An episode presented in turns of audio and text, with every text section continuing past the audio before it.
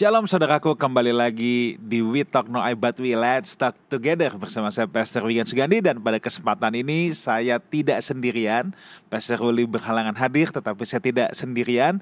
Saya ditemani oleh seorang narasumber yang sangat cocok dengan bahasan yang kita akan bahas pada kesempatan yang kali ini yaitu biblical entrepreneurship. Tetapi sebelum saya memperkenalkan narasumber kita yang luar biasa, saya ingin menyapa dulu setiap Bapak Ibu yang menyaksikan baik di YouTube Live House Community maupun di MNC Live Channel. Saya ucapkan selamat bergabung untuk Bapak Ibu semuanya, selamat belajar bersama, siapkan catatan kita sebab saya sendiri pun Saudara, selalu saya katakan saya sangat banyak belajar dari narasumber yang datang untuk berbincang-bincang dengan kita pada kesempatan ini. Baik, tanpa panjang lebar, saya akan memperkenalkan narasumber kita, Pastor Benny Syawarjaya. Pastor Benny, thank you so much. Thank you, Pastor Sudah Bidan. menemani kita pada kesempatan ini. Saudaraku, Pastor Benny adalah seorang hamba Tuhan yang udah sering kali ngobrol di acara Witok, tetapi mungkin sebagian saudara tidak tahu latar belakangnya beliau adalah seorang pengusaha juga, hamba Tuhan juga dan beliau merintis usahanya dari nol ya. Itulah sebabnya dalam tema kali ini biblical entrepreneurship saya rasa beliau akan sangat cakap sekali untuk menjelaskannya. Beliau juga uh, mengajar di sekolah Alkitab tentang mata kuliah ini biblical entrepreneurship.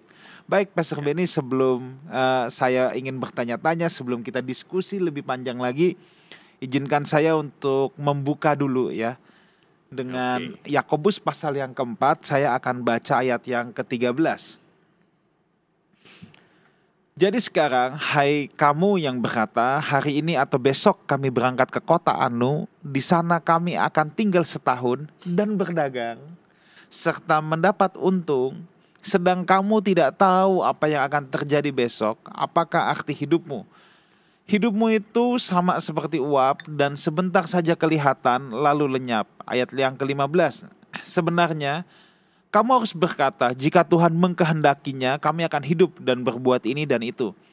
Tetapi sekarang kamu memegahkan diri dalam congkakmu dan dengan semua kemegahan yang demikian adalah salah. Jadi, jika seorang tahu bagaimana ia harus berbuat baik tetapi ia tidak melakukannya, ia berdosa. Bapak Ibu, sebelum saya lempar ke Pastor Benny, di sini di ayat yang ke-13 tadi dikatakan uh, hari ini atau besok kami berangkat ke kota Anu dan di sana kami akan tinggal setahun berdagang serta mendapat untung. Nah, saudaraku, siapa sih yang nggak mau dagang dapat untung? Pasti tidak ada yang berdagang cita-citanya rugi. Dan sebagian kita juga mungkin yang menyaksikan acara ini sedang berpikir, Eh, bagaimana saya kalau mau memulai suatu usaha? Apa aja sih yang saya harus persiapkan ya? Dan juga mungkin sebagian saudara bertanya-tanya kalau aku dagang ini boleh nggak? Aku dagang itu boleh nggak? Nah kita akan berbincang-bincang seputar entrepreneurship tetapi dalam perspektif Alkitab. Atau sebagian besar atau sebagian saudara juga berpikir memangnya kalau kita mau berentrepreneur itu ada ayatnya, memang ada panduan Alkitabnya. Ini kan bukan ranah agama dan lain sebagainya. Nah, oke okay, baik, tanpa panjang lebar saya akan tanyakan pada ahlinya langsung. Mungkin Pak Beni bisa memberikan pemaparan dulu. Entrepreneurship ditambah dengan biblical. Oke. Nah, ini kan menarik ya. Oke, okay, silakan. Terima kasih Pastor Wigan. Kita mulai dulu dari pengertian entrepreneurship ya. Yeah. Entrepreneurship itu berasal dari bahasa Prancis, entrepreneur kalau dalam bahasa Prancis artinya usaha. Kalau dalam bahasa Inggris enterprise itu adalah perusahaan, organisasi dan bisnis. Nah, entrepreneurship itu sendiri adalah orang yang dinamis. Senantiasa mencari peluang memanfaatkan peluang yang ada untuk menghasilkan sesuatu yang tidak berguna menjadi berguna. Itu entrepreneur. Entrepreneur. Ya. Seorang bapak entrepreneur yang terkenal di negeri ini dia berkata entrepreneur itu adalah orang yang bisa mengubah rongsokan menjadi emas. Ini okay. bukan berarti pemulung yang ngambil barang rongsokan terus dijual jadi emas gitu okay. bukan ya? Oke, okay, tunggu. Saya mau potong dulu sedikit nih, okay. Pastor Beni. Tadi Pastor Beni katakan kan entrepreneurship itu melihat peluang ya. Nah, apakah entrepreneurship ini sama dengan oportunis? Kalau oportunis ini kan konotasinya negatif ya. Kalau iya. kita dengar, eh itu orang oportunis, uh orang langsung menghindar. Iya. Apakah entrepreneur sama dengan oportunis? Kalau oportunis kan orang mencari keuntungan pribadi yes. dengan mengabaikan etika atau norma yang ada. Menghalalkan segala cara. Menghalalkan secara segala yeah. cara. Kalau entrepreneurship itu ada di ranah, apalagi sekarang kita bicara soal biblical entrepreneurship. Hmm. Jadi kita melihat peluang usaha, lalu menggunakan peluang usaha itu dengan prinsip kebenaran firman Tuhan. Oke. Okay. Dengan prinsip kebenaran Alkitab. Yeah. Jadi saya kira ini dua hal yang beda tipis okay. tapi beda. Yes, yes, yes. Oke. okay. Ya, silakan diteruskan. Nah, sekarang kan masalahnya mengapa manusia harus mencari peluang, melihat peluang. Hmm. Supaya tadi kan menghasilkan untung Yakobus 4 iya. 13 itu kan. Berdagang serta mendapat untung. Nah, kan nggak ada dong yang mau dagang cita-citanya apa? Rugi. Iya. nggak ada ya. Tentunya tujuan seseorang menciptakan peluang usaha, bekerja atau berusaha tentu tujuannya adalah laba, memperoleh keuntungan. Untuk apa laba itu? Untuk melanjutkan hidup. Mengapa orang perlu memperoleh laba untuk melanjutkan hidup? Nah ini lagi-lagi balik ke masa awal manusia diciptakan hmm. oleh Tuhan. Sebenarnya kan Tuhan udah siapin semuanya di Taman Eden. Hmm. Sudah tersedia, tinggal dikelola. Tapi oleh karena dosa, Tuhan mengutuk bumi, Tuhan mengutuk manusia dengan berpeluh, dengan bersusah payah engkau akan memperoleh rezekimu atau nafkahmu. Hmm. Sebenarnya dulu tujuan utama orang bekerja itu bukan untuk mencari nafkah karena begitu selesai Tuhan menciptakan manusia, Tuhan memberikan perintah yang kedua kepada manusia itu bekerja. Iya. Sebelum jatuh ke dalam dosa Sebelum ya. jatuh dalam dosa. Jadi Jad... bekerja adalah memuliakan Tuhan okay. sebenarnya. Oke, okay. ini menarik berarti bekerja itu bukan kutukan ya? Bukan. Sebab ada yang berpikir ah gara-gara Adam jatuh nih gue kena kutuk nih gue harus kerja kalau enggak gue tinggal lenye-lenye nih yeah. gitu kan jadi kita harus clear dulu nih saudara ya bahwa bekerja itu pasar Beni itu bukan kutukan bukan yes. absolutely not yes. sebab bekerja itu adalah perintah Tuhan untuk manusia yeah.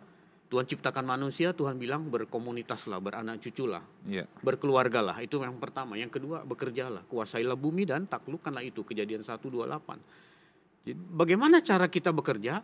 Mendengar Allah berfirman, harusnya di Taman Eden kan begitu, Adam dan Hawa mengelola bumi, dia dengar Tuhan Allah berfirman, lalu dia mengerti, memahami, dia melakukan. Kemudian dengar lagi Allah berfirman, memahami, melakukan. Ya. Nah ini kan jatuh, ini semua rusak gara-gara gara-gara jatuh dalam dosa.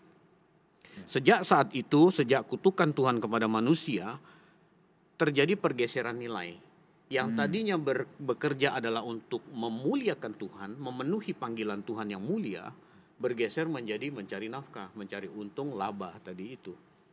Okay. Nah, bagi kita yang sudah dipulihkan oleh darah Yesus di atas kayu salib, harusnya cara kita memandang entrepreneur itu kembali ke zaman awal seperti ketika Tuhan memberikan perintah kepada Adam dan Hawa. Oke, jadi gimana kita memandang entrepreneur itu? bukan serta merta hanya untungnya doang. Ya? Bukan, tetapi kita memanfaatkan peluang yang ada untuk menciptakan peluang untuk menciptakan sesuatu yang berhasil guna dengan menggunakan prinsip kebenaran firman yang tadi itu berfirmanlah Allah Adam dan Hawa mengerti lalu melakukan. Nah sekarang kita baca Alkitab ke gereja merenungkan firman ya. mendapatkan prinsip kebenaran itu praktek di dalam usaha di dalam pekerjaan di dalam karir kita masing-masing. Harusnya itu yang terjadi. Oke. Karena kita sudah dipulihkan, hubungan kita sudah dipulihkan, posisi kita itu sama dengan posisi Adam dan Hawa sebelum jatuh dalam dosa. Namun kita harus berjuang sekarang demi mendapatkan kehidupan di kekekalan nanti seperti Adam dan Hawa. Tapi ini ini kan persiapannya nih di bumi Oke. ini. Oke, jadi kita bisa katakan sebenarnya ketika Adam mendapatkan mandat pertama untuk bekerja, Adam juga sudah mendapatkan mandat untuk berentrepreneur. Yes. Untuk mengusahakan kan. Yes. Melihat peluang bumi ini harus diusahakannya gimana. Yeah. Bumi ini harus di apain gitu. Jadi Adam pun sudah mendapatkan ya mandat untuk berentrepreneur nih. Iya. Waduh ini luar biasa saudara ya. Ini ini nih uh, pendekatan yang sangat biblical tapi asik banget, asik banget. Oke. Okay. Nah, uh, saya sering mendengar orang bilang dunia entrepreneur itu nggak bisa jadi satu dengan dunia rohani. Iya, itu hitam lah, kotor ya. atau abu-abu, abu-abu. Orang juga banyak bilang dunia usaha itu lebih dekat neraka dibandingkan dengan dunia liturgis di gereja gitu. Apakah benar demikian? Kita bedah ini Bapak Ibu. Kalau demikian adanya, kalau dunia entrepreneur, dunia usaha lebih dekat neraka atau dekat neraka, mengapa Tuhan memberikan perintah manusia untuk berentrepreneur gitu? Ya, untuk mengusahakan untuk ya. mengusahakan bumi. Yes, yes, yes. Berarti kan ya bisa dibilang Tuhan kayak jebak manusia dong kalau memang seperti itu. Nah justru kita yang sudah dipulihkan oleh karya keselamatan Tuhan Yesus, kita harus kembali ke perintah awal Allah itu. Mengusahakan bumi menggunakan prinsip kebenaran firman. Bekerja atau berdagang atau berusaha di lingkungan kita masing-masing atau berkarir menggunakan prinsip kebenaran firman Tuhan. Emang bisa Pak? Ya bisa. Kenapa nggak bisa? Cuman masalahnya saya harus bicara tegas bahwa dunia kita sekarang ini memang sudah rusak. Yeah. Bukan cuman di sekitar kita tapi di seluruh dunia memang sudah rusak karena dosa. Yeah. Oleh karena rusaknya sedemikian parah sehingga ada orang yang jujur pun jadi kelihatan aneh sekarang Oke, okay, iya. Masih ingat peristiwa beberapa bulan yang lalu di sebuah kota di Jawa ada cleaning service ketemu uang 40 juta cash lalu dia kembalikan dia kasih ke atasannya saking dianggap masih ada orang jujur ini orang sampai diberangkatin umroh sama wali kotanya. Oke. Okay. Dikasih penghargaan padahal itu kan standar sebenarnya. Bukan milik kita ya kan. Yeah. 10 perintah Allah bilang jangan mengingini barang orang lain gitu. Yeah. Mengapa bisa sampai dikasih penghargaan begitu hebat? Ya karena memang udah rusak. Karena kejujuran udah jadi barang yang langka. Jadi barang yang langka. Nah bagi kita orang percaya harusnya ini bukan barang langka. Harusnya ini sesuatu yang kita peragakan setiap hari dalam gaya kehidupan hidup. kita. Harusnya Jadi menjadi lifestyle. gaya hidup ya.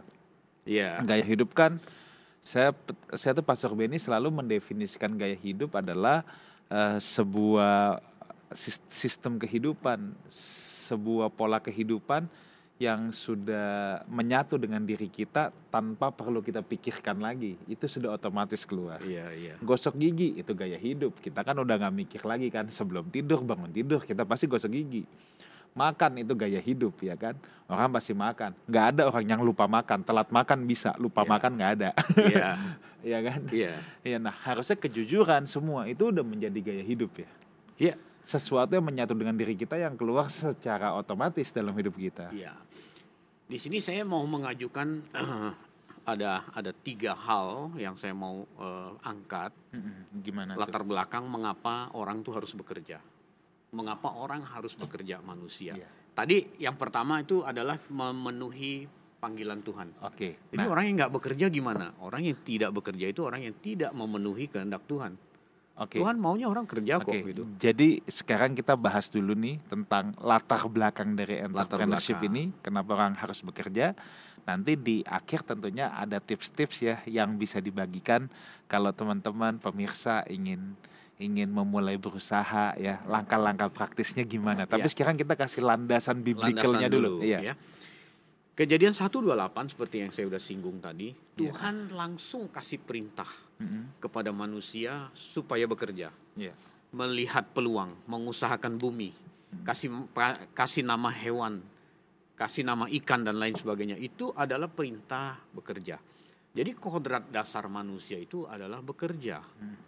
Inilah inilah yang menjadi dasar mengapa orang harus bekerja. Mm. Kalau ada orang nganggur gimana?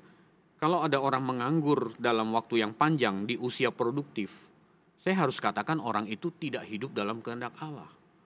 Orang yang tidak hidup dalam kehendak Allah bisa dikatakan sebagai orang yang meleset. Di dalam di dalam bahasa Alkitab bahasa Yunani kata meleset itu berdosa. Hmm. Nah, Apakah orang demikian bisa dikategorikan sebagai hidup dalam dosa? Bisa, sangat bisa karena dia hidup berkepanjangan tidak bekerja padahal usia produktif. Nah, lain dengan janda-janda tua yang diatur diatur oleh Rasul Paulus yang sudah tidak bisa bekerja yeah. dan lain sebagainya itu lain hal gitu. Ini fondasi yang pertama mengapa orang harus bekerja. Yang kedua, bekerja itu merupakan wujud tanggung jawab pribadi. 2 okay. Tesalon 2 Tesalonika 3 ayat 10.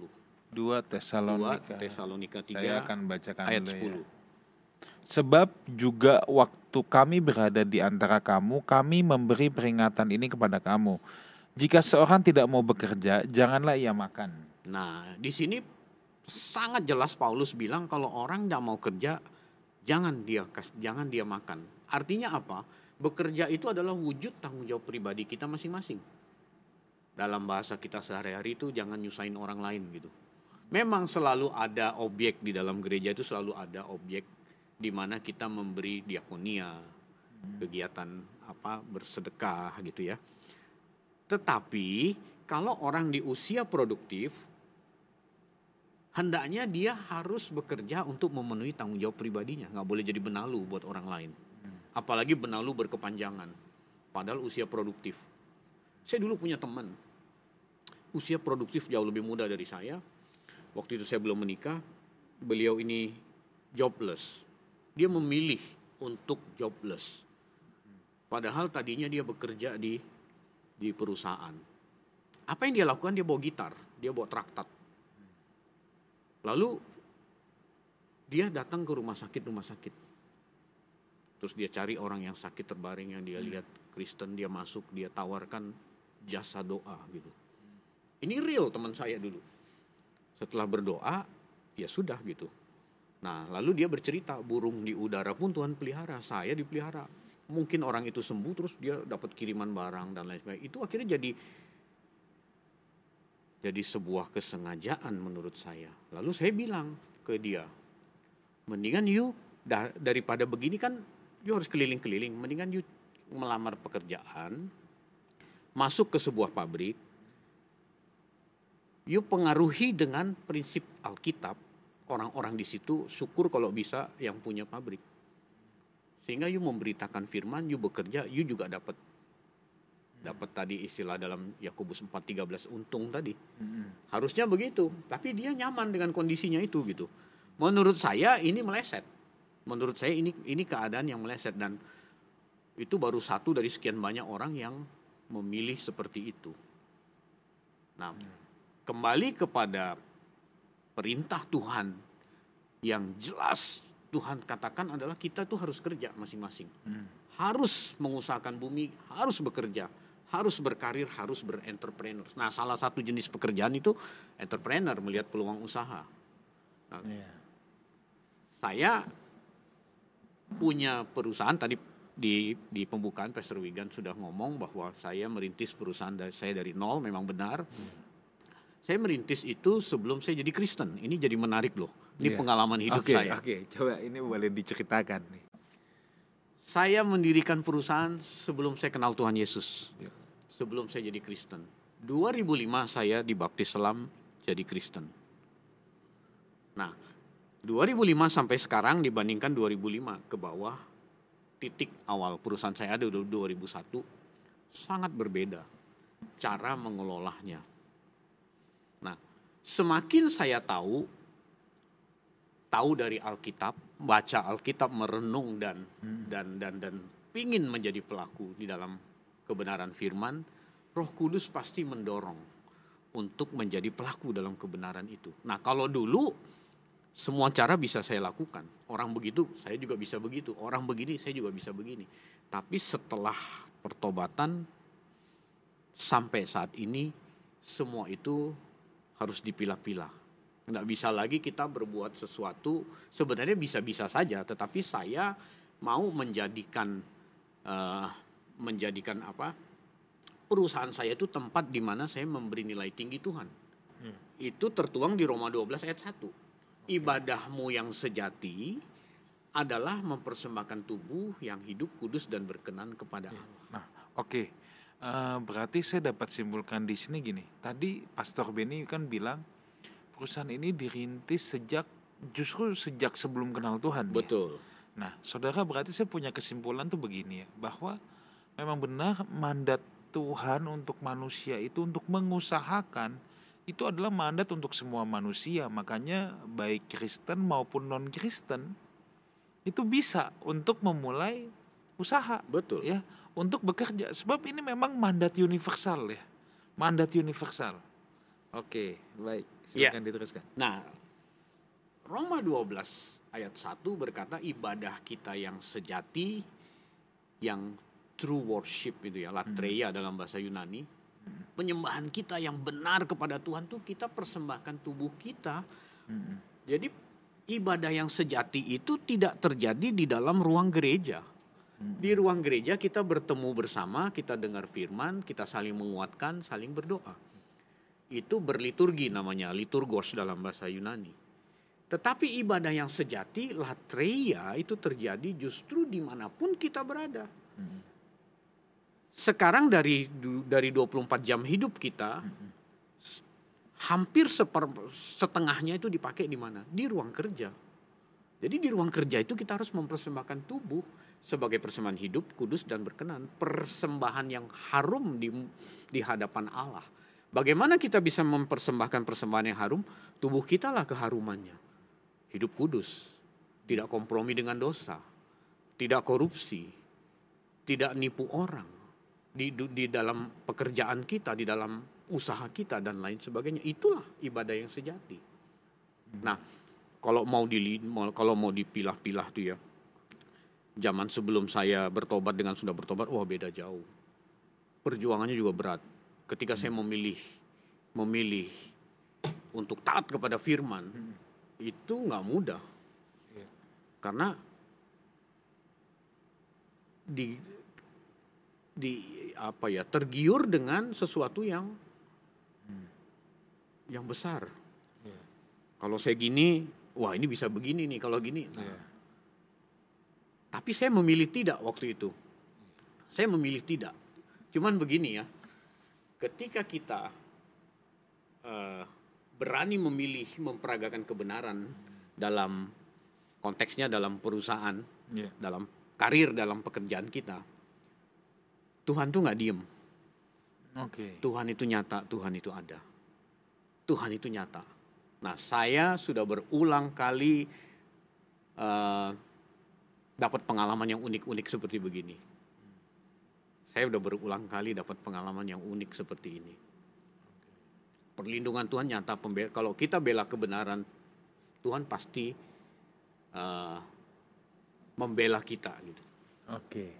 Nah jadi tadi prinsip bekerja ada tiga ya. Yang pertama tadi apa? Yang pertama bekerja itu kodrat dasar manusia. Kodrat dasar. Yang kedua tanggung jawab. Tanggung jawab pribadi. Yang ketiga. Yang ketiga kerja adalah tempat kita memberi nilai tinggi Tuhan. Oh, tempat kita memberi nilai tinggi iya. Tuhan. Berarti di perjanjian lama kita itu ya, ada ya. Abraham pergi bekerja disebut Abraham tuh abodah beribadah. Padahal yeah. dia ke, pergi kerja gitu. Tapi yeah. digunakan kata abodah beribadah. Jadi bekerja itu sebenarnya beribadah. Apa itu ibadah? Memberi nilai tinggi Tuhan. Dengan cara apa? Tubuh kita mempersembahkan tubuh kita sebagai persembahan yang hidup, yang kudus okay. dan yang berkenan. Oke. Okay. Jadi yang namanya biblical entrepreneurship ini adalah orang yang menjadikan usahanya sebagai tempat penyembahannya juga. Yes. Wow. Benar sekali. Iya. Gini loh, Pastor Wigan. Huh. Di satu kota tuh saya punya teman dokter. Oke. Okay. Deket dengan sama saya. Jadi dia waktu awal pertobatan saya dulu sering diskusi. Nah dia diskusi bahwa dia beli alat, dia beli alat, ditaruhlah di tempat praktek dia. Mau orang sakit apa pun datang harus pakai alat dia. Ini kan melenceng dari tidak memuliakan Allah seperti begini. Oh iya enggak apa-apa kata dia. Yang penting kepake alatnya, orang bayar jasa fee-nya gitu. Oke. Okay. tentu nggak semua dokter seperti itu ya. Ini kebetulan teman yeah. saya dia buka yeah. buka. Ini mau rahasianya penyakitnya itu. relevan dengan alatnya atau enggak urusan belakang. Bu alatnya dulu. mesti laku dulu ya. Pakai dulu. ya, oke. Okay. Pakai dulu. Okay. Kan di di Jakarta ini kan ada satu rumah sakit yang saya sering sekali dengar bahwa kalau orang datang ke rumah sakit itu kalau udah sakitnya kaitannya dengan sekitar internis atau perut itu pasti usus buntu keluarnya pasti pasti operasi gitu. Oke. Okay.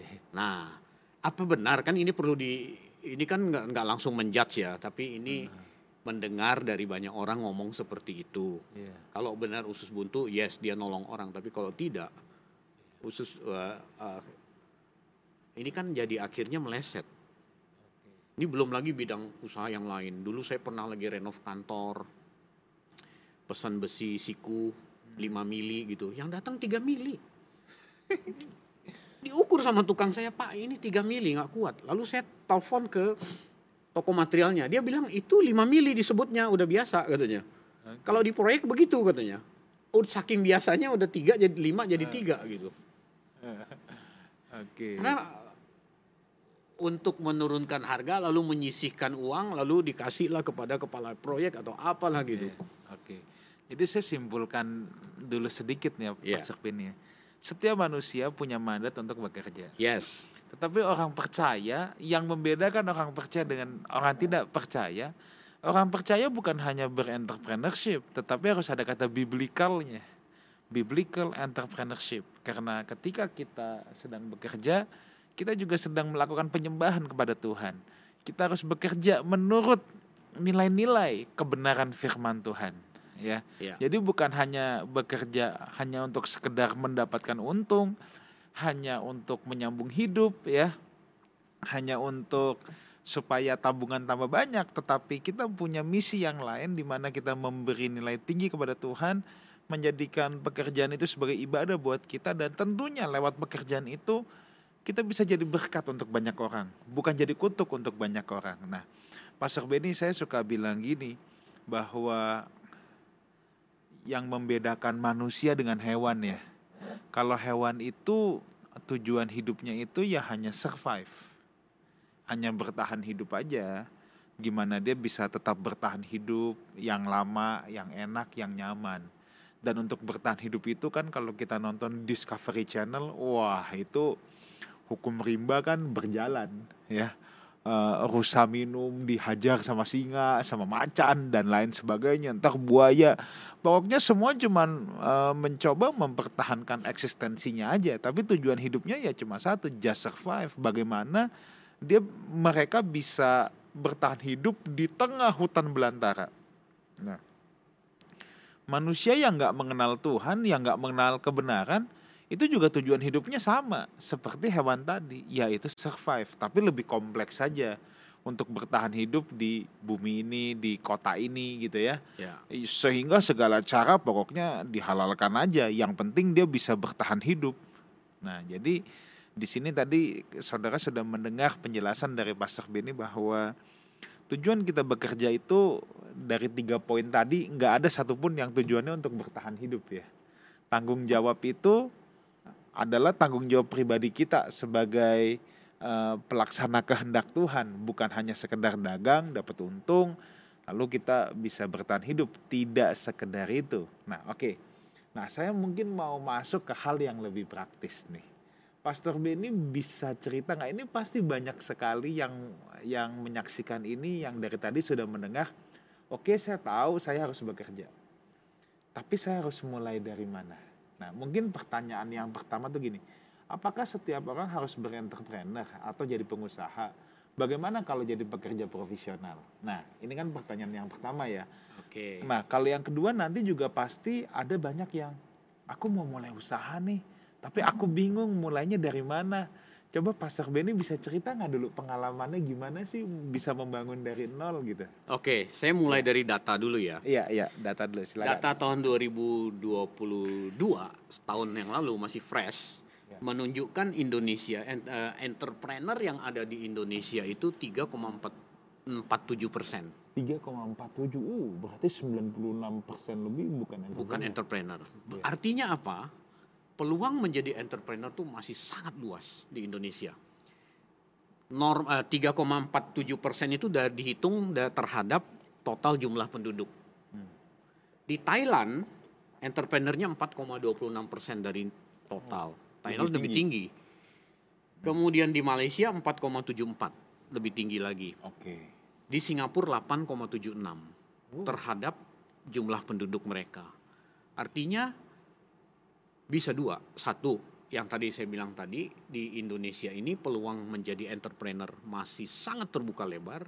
Yang kedua indikasinya orang Indonesia cenderung malas cari peluang. Mengapa? Karena Indonesia itu diberkati Tuhan luar biasa subur. Hasil alam banyak. Bangun jam 10 di kampung, ngopi, ngerokok, pegang gitar, lapar mau makan siang tinggal ke belakang rumah mancing di sungai setengah jam dapat ikan. Bisa untuk sampai malam pingin makan sayur pun tinggal petik, dia masak. Nah, oleh karena alam yang subur itulah membuat berkontribusi membuat orang ini cenderung jadi malas karena semua tersedia. Cuman zaman itu berubah, makin hari makin sulit. Nah, peluang entrepreneur di Indonesia masih sangat besar. Ini yang harus kita lihat dan harus generasi-generasi muda itu harus harus giat untuk mencari peluang usaha. Kalau tanya saya, mengapa saya sampai terjun ke dunia usaha? Karena memang tujuan saya untuk bekerja dulu, dulu saya bekerja di perusahaan. Saya pernah kerja di uh, perusahaan yang memproduksi coklat Silver Queen di kota Bandung. Okay. Kemudian saya pindah ke perusahaan yang memproduksi biskuit Oreo okay. di Cikarang. Waktu itu nama perusahaannya Nabisco sekarang Mondelez. Nah, apa yang mendorong saya untuk buka usaha, cari peluang entrepreneur yang bisa menaikkan penghasilan saya dari diri saya. Satu tentu setiap tahun ada kenaikan gaji dari perusahaan. Udah bisa dihitung berapa persen. Hmm. Jadi kalau setahun naiknya katakanlah 30 persen 10 tahun kemudian udah bisa kehitung gaji saya berapa gitu. Sementara kebutuhan hidup makin meningkat, belum lagi inflasi.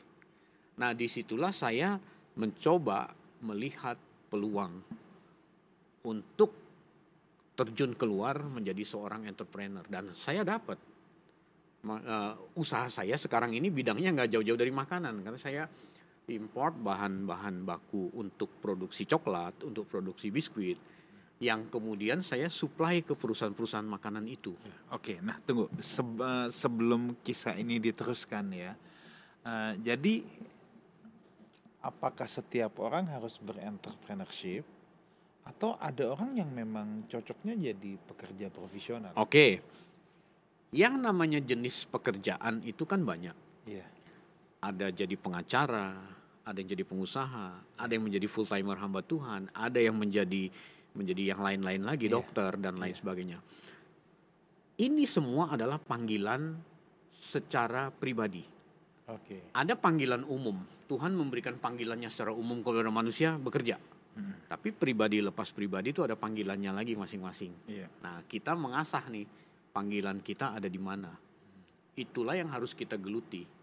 Kalau saya kan karena memang background saya kerja di perusahaan makanan, saya tahu tentang bahan-bahan baku, saya mengerti di Indonesia begitu langka bahan-bahan baku tertentu, lalu saya mengusahakan itu dan akhirnya terjadilah itu gitu. Iya. Apakah semua orang harus berentrepreneur? Tentu tidak. Iya. Ada orang yang dikhususkan jadi hamba Tuhan. Iya. Ada orang yang dikhususkan menjadi seorang guru Yeah. Ada yang orang yang dikhususkan menjadi penginjil dan lain sebagainya. Kalau kita lihat konteksnya di perjanjian yeah. baru itu ya lima yeah. jawatan itu ya. Nah, tidak semua harus jadi entrepreneur. Cuman saya mau kasih tahu berdasarkan data tahun lalu peluang entrepreneur Peluangnya di masih Indonesia banyak ya? masih sangat yeah. besar. Oke, okay, nah Pastor Benny saya agree banget ya uh, sampai di sini sebab gini. Menjadi entrepreneur itu menurut saya entar mungkin kita bahas lebih lanjut ya uh, pu mesti punya salah satu kualitasnya adalah berani mengambil resiko. Saya ketemu orang yang dia cerdas, hebat, tapi dia bukan risk taker. Akhirnya dia memutuskan untuk berkarir sebagai profesional dan prestasinya pun cemerlang. Ya. Tapi dia memang bukan risk taker karena kalau yang namanya entrepreneur berdagang, siapa yang bisa menjamin besok pasti untung kan? Iya ya kan ada sisi-sisi itunya. Jadi uh, tidak setiap orang dipanggil jadi entrepreneur tetapi setiap orang pasti dipanggil untuk bekerja bekerja. ya. Dan uh, panggilan untuk berentrepreneur dalam tanda petik mengusahakan setiap orang punya panggilan untuk itu. Sekalipun kita bekerja bukan buka usaha sendiri ya. Sekalipun kita bekerja di kantor kita kan tetap harus mengusahakan kan yang terbaik apa yang bisa kita berikan untuk kemajuan tempat kita bekerja ya ya benar Pastor Wigan jadi yang paling penting tuh kalau kita mau terjun ke dunia entrepreneur, hmm. kita mesti bisa lihat peluang. Yes. Itu, ya. Terus yang kedua, kita mesti bikin studi banding. Kalau istilah istilah saya saya pribadi market review gitu. Oke. Okay. Kita mau ngapain nih? Market survey gitu. Ya. ya. Kita mau menghasilkan produk apa nih? Yeah. Kita mesti punya jangkauan mampu melihat di market kita ini sudah ada belum. Kalau udah ada, bukan berarti kita harus mundur Yeah. Seringkali saya dengar orang bilang, aduh udah banyak yang main itu udah banyak yeah. gitu. Generasi itu berganti loh, hmm. berputar loh. Walaupun sudah banyak, tapi kalau kita meyakini apa yang mau kita lakukan lalu kita udah bawa ber, ke dalam Tuhan, jalan. Ada istilah orang orang sekuler bilang rezeki itu nggak pernah ketukar gitu. Yeah. Jadi lakukan. Jadi tapi kita harus ada feel dulu, mencintai jenis usaha itu dulu. Iya. Segala sesuatu harus dimulai dengan seni ya, mencintai. Misalnya ya, misalnya nih ada yang ada yang mau buka toko bakmi baru. Iya. Wah, toko bakmi kan udah menjamur nih, ya. Iya. Yang pertama harus mencintai dulu ya. Iya. Yang kedua tadi Pastor Benny katakan market research lah ya yes. atau market survey ya. Iya. Di tengah-tengah usaha bakmi yang sudah menjamur itu kita harus melihat ya apa sih bedanya bakmi kita dengan yang lain? Benar, ya. benar, benar. Ya. Nah biasanya kan kita harus tahu keunggulan produk yang kita jual. Oke. Okay. Itulah yang menjadi nilai tambah yang kemudian bisa apa sih alasannya orang beli sama kita gitu. Saya selalu challenge orang-orang marketing saya. Apalagi waktu mereka mau masuk interview gitu. Apa yang membuat customer itu beralasan beli barang sama you gitu. Hmm. Kalau di Indonesia mah yang paling yang paling umum kan harga. Harga pak. Nah, tapi yang kedua jangan lupa kualitas. Nah, kualitas semua orang bilang kualitasnya unggul. Terus gimana dong? Apa keunggulan keunggulan dari produk kita ini? Nah, itu harus dikuasai. Kita harus tahu gitu. Hmm. Lalu kompetitor kita siapa kita harus baca. Hmm. Ya. Market price-nya berapa kita harus baca baru kita oh ini saya bisa nih masuk nih gitu untuk mulai usaha ini. Nah ini semua perlu dianalisa dengan akal budi. Makanya kita harus mengoptimal, mengoptimalkan akal pikiran kita juga karena Tuhan kasih akal pikiran. Sama dong mau buka pelayanan, mau buka gereja di satu tempat, mirip lah. Harus oh jiwa-jiwa roh kudus yang tuntun. Pasti roh kudus tuntun, tapi bagian kita penuhi dulu dong gitu. Kalau kita udah penuhi bagian kita, roh kudus pasti penuhi bagian dia. Tapi bagian kita ini jangan diabaikan gitu. Sama buka usaha juga begitu. Hmm. Roh kudus pasti tuntun, pasti karena kita melibatkan dia. Tapi bagian kita kita harus penuhi dulu untuk melihat peluang usaha gitu.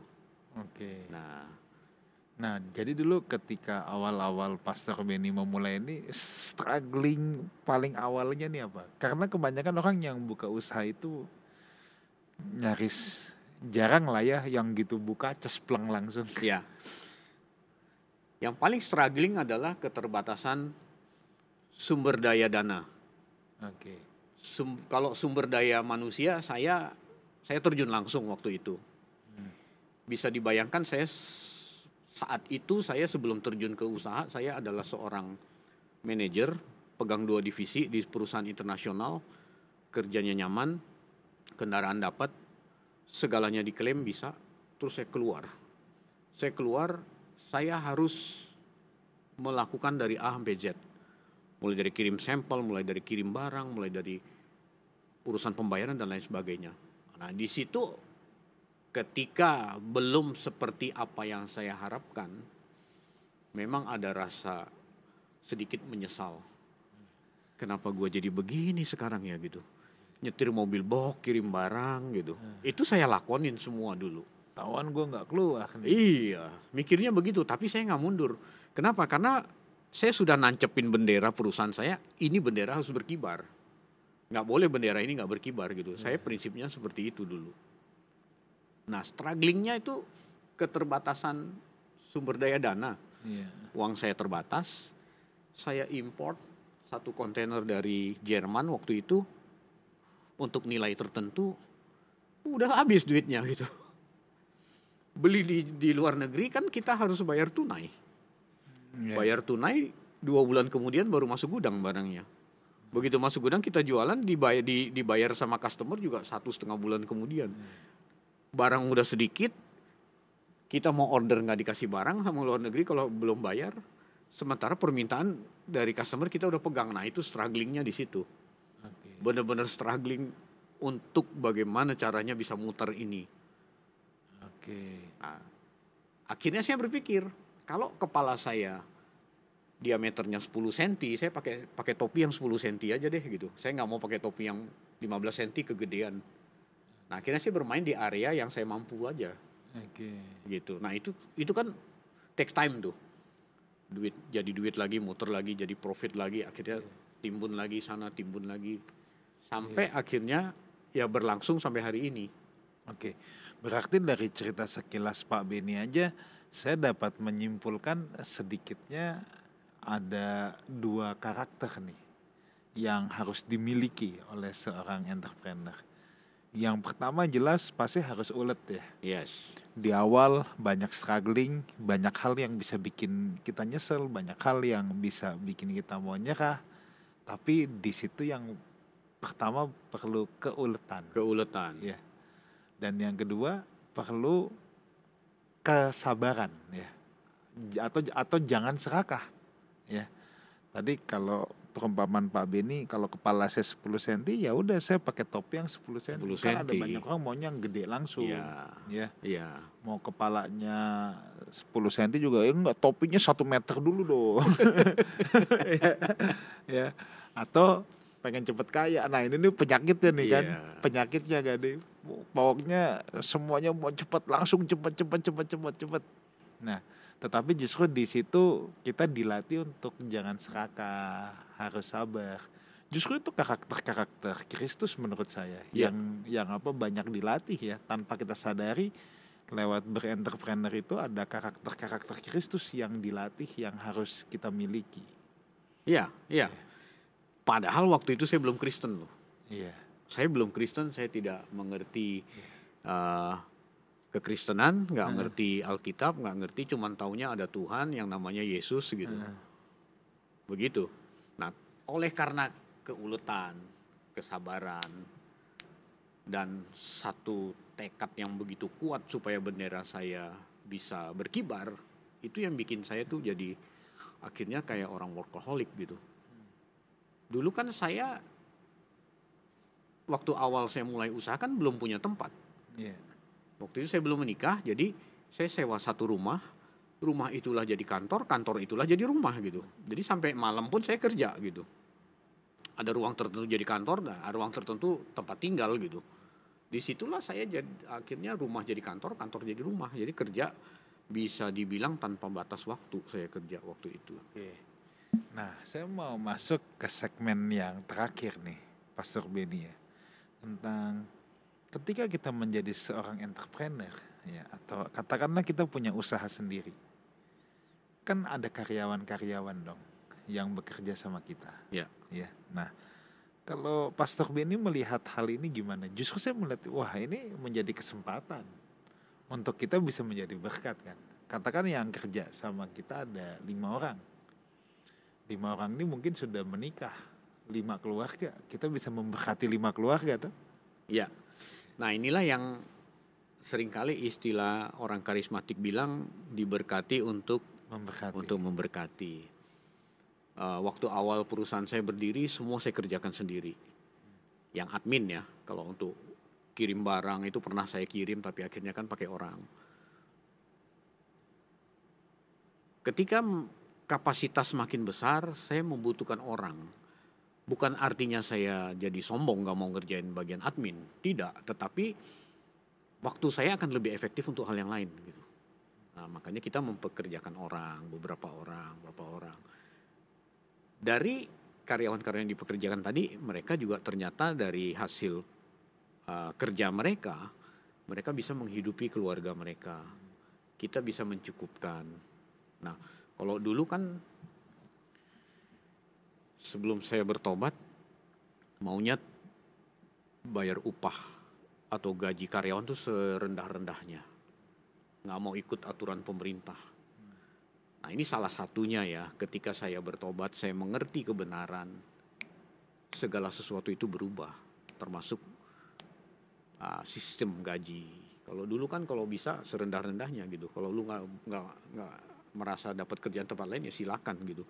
Tapi kalau sekarang nggak, seluruh karyawan saya pasti berada di di atas UMR yang ada di DKI Jakarta. Kemudian seluruh karyawan saya, saya daftarkan BPJS Kesehatan dan BPJS Ketenaga Kerjaan. Supaya suatu waktu kalau mereka pindah atau mereka berhenti kerja, mereka bisa klaim BPJS-nya. Kalau mereka sakit, mereka juga bisa klaim. Baru-baru ada yang melahirkan, mereka dia uh, bisa klaim BPJS dan lain sebagainya. Nah, kalau kita mau jadi pengusaha yang biblical entrepreneurship, ini para pengusaha sering mengabaikan hal-hal seperti ini manusiakanlah karyawan kita. Kalau patuhlah pada pemerintah, kata Alkitab. Kalau pemerintah menetapkan satu peraturan yang berlaku umum, ya kita juga harus ikut.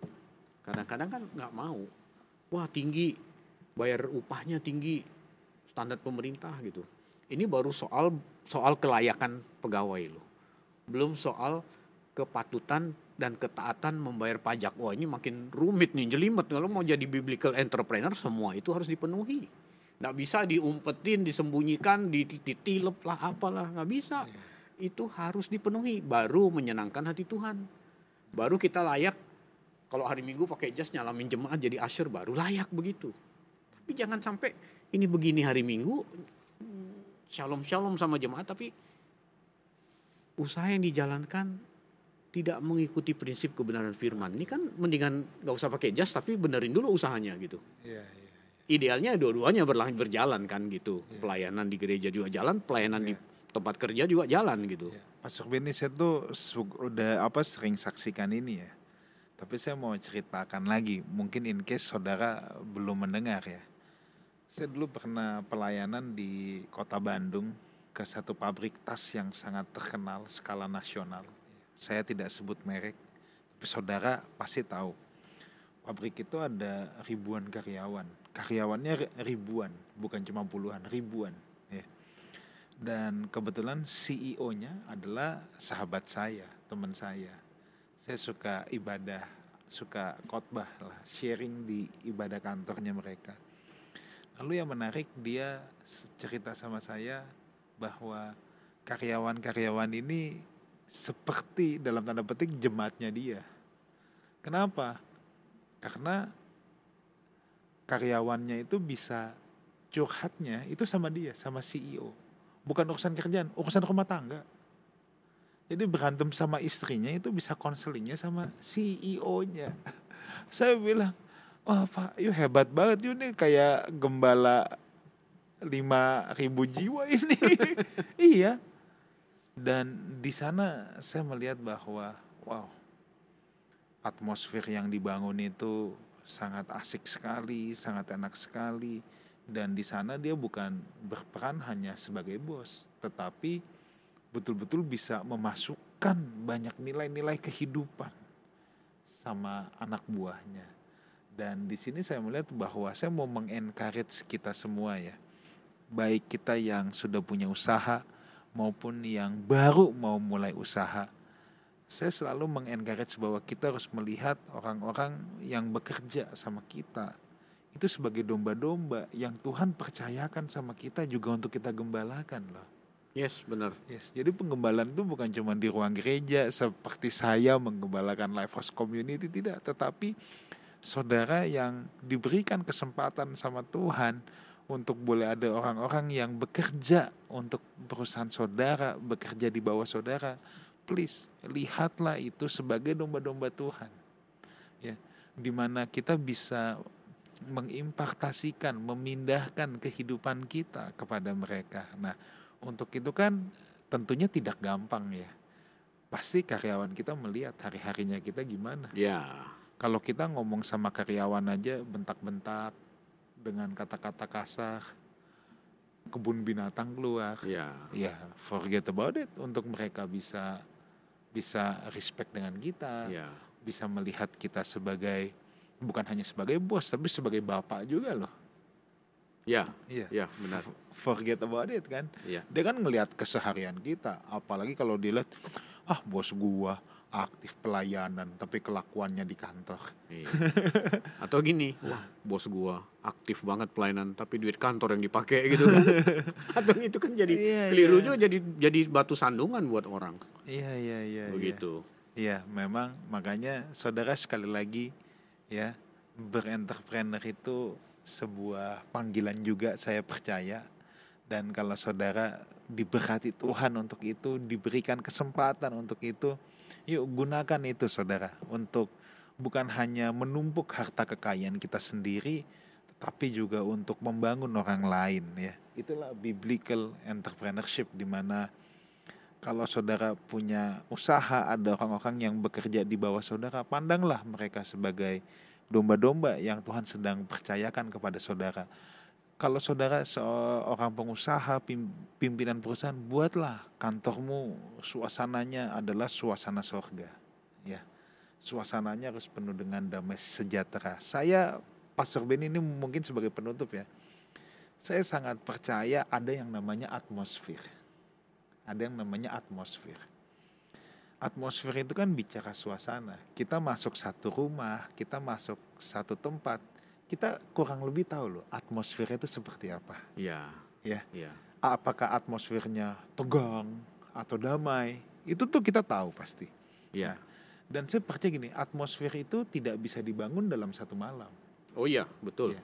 Atmosfer itu kan lahir dari sebuah culture, dari sebuah budaya. Nah, pengertian budaya apa sih? Budaya ini kan adalah gaya hidup yang dipraktekkan bersama yang dilakukan berulang-ulang yes. akhirnya terbentuk. Yes. Secara bersama-sama, secara korporat. Yes. Nah, berarti kan awalnya harus dari kita sendiri, harus ada satu orang. Kalau saudara sebagai pimpinan, ya saudara lakukan itu supaya itu menjadi budaya di kantor. Dan yeah. akhirnya dari budaya itu tercipta atmosfer. Saya itu suka pakai contoh gini Pak Surbeni. Siapa bilang orang Indonesia tidak tertib? Kalau ke Singapura, tanpa dikomando itu bisa bisa tertib. Iya, kadang-kadang bisa lebih tertib dari orang Singapura ya. iya. Tetapi kenapa begitu pulang ke Indonesia turun Soekarno Hatta bisa beda total langsung. That is the power of atmosphere. Yes. Tidak tertulis, tidak ada aturan baku, tetapi otomatis atmosfer itu akan mengubah orang yang begitu masuk ke situ akan zet langsung beda. That's the power of of atmosphere. Nah, jadi kalau saudara seorang entrepreneur yang dipercaya Tuhan untuk punya perusahaan, punya banyak karyawan, tugas besar kita sebagai seorang entrepreneur, Pastor Beni, menurut saya adalah menciptakan atmosfer kerajaan Allah di kantor. Yes, benar, benar. Oke, okay, Pastor Benny, thank you so much untuk hari thank ini. Thank you, Pastor Wigan. Nanti kita akan berbincang-bincang lagi di lain kesempatan. Ini pembicaraan tentunya belum selesai. Nanti di lain kesempatan kita mau bicara ya tentang etika Kristen dalam bisnis ya. Etika yeah. Kristen dalam bisnis, bagaimana kita memandang bisnis, bagaimana kita memandang uang ya. Sebab beliau memang sangat pakar sekali atau sangat ekspertis di bidangnya. Thank you so much Pastor Benny buat kesempatan pada sore hari ini. Thank you. Mungkin ada sebuah closing statement. Bapak Ibu Saudara, bekerja itu tujuan utamanya bukanlah untuk memperoleh uang semata, namun bekerja adalah dalam rangka kita memenuhi panggilan Allah sejak semula kepada manusia dan tempat kerja kita harus bisa menjadi tempat di mana kita memberi nilai tinggi Tuhan. bahwa kita memperoleh uang, kita memperoleh gaji, kita memperoleh bayaran itu adalah bentuk dari pemeliharaan Tuhan kepada hidup kita. Jadi di kesementaraan hidup kita manfaatkan tempat atau karir kita untuk memuliakan Tuhan. Tentu Tuhan pasti memelihara kita. Demikian. Okay, thank you so much Pastor Benny. Kalau dari saya, saya percaya orang yang menjadi berkat pasti juga diberkati Tuhan. Ya, menjadi berkat itu bukan saja hidupnya membawa nilai tambah untuk orang lain, menjadi berkat juga membuat orang menemukan Kristus lewat kehidupan kita. Again, thank you so much Pastor Benny untuk perbincangan yang sangat menarik pada kesempatan ini. Saudaraku, sampai di sini saja perjumpaan kita di acara Witok. Jangan lupa minggu depan terus ikuti Witok No I But We Let's Talk Together. God bless you.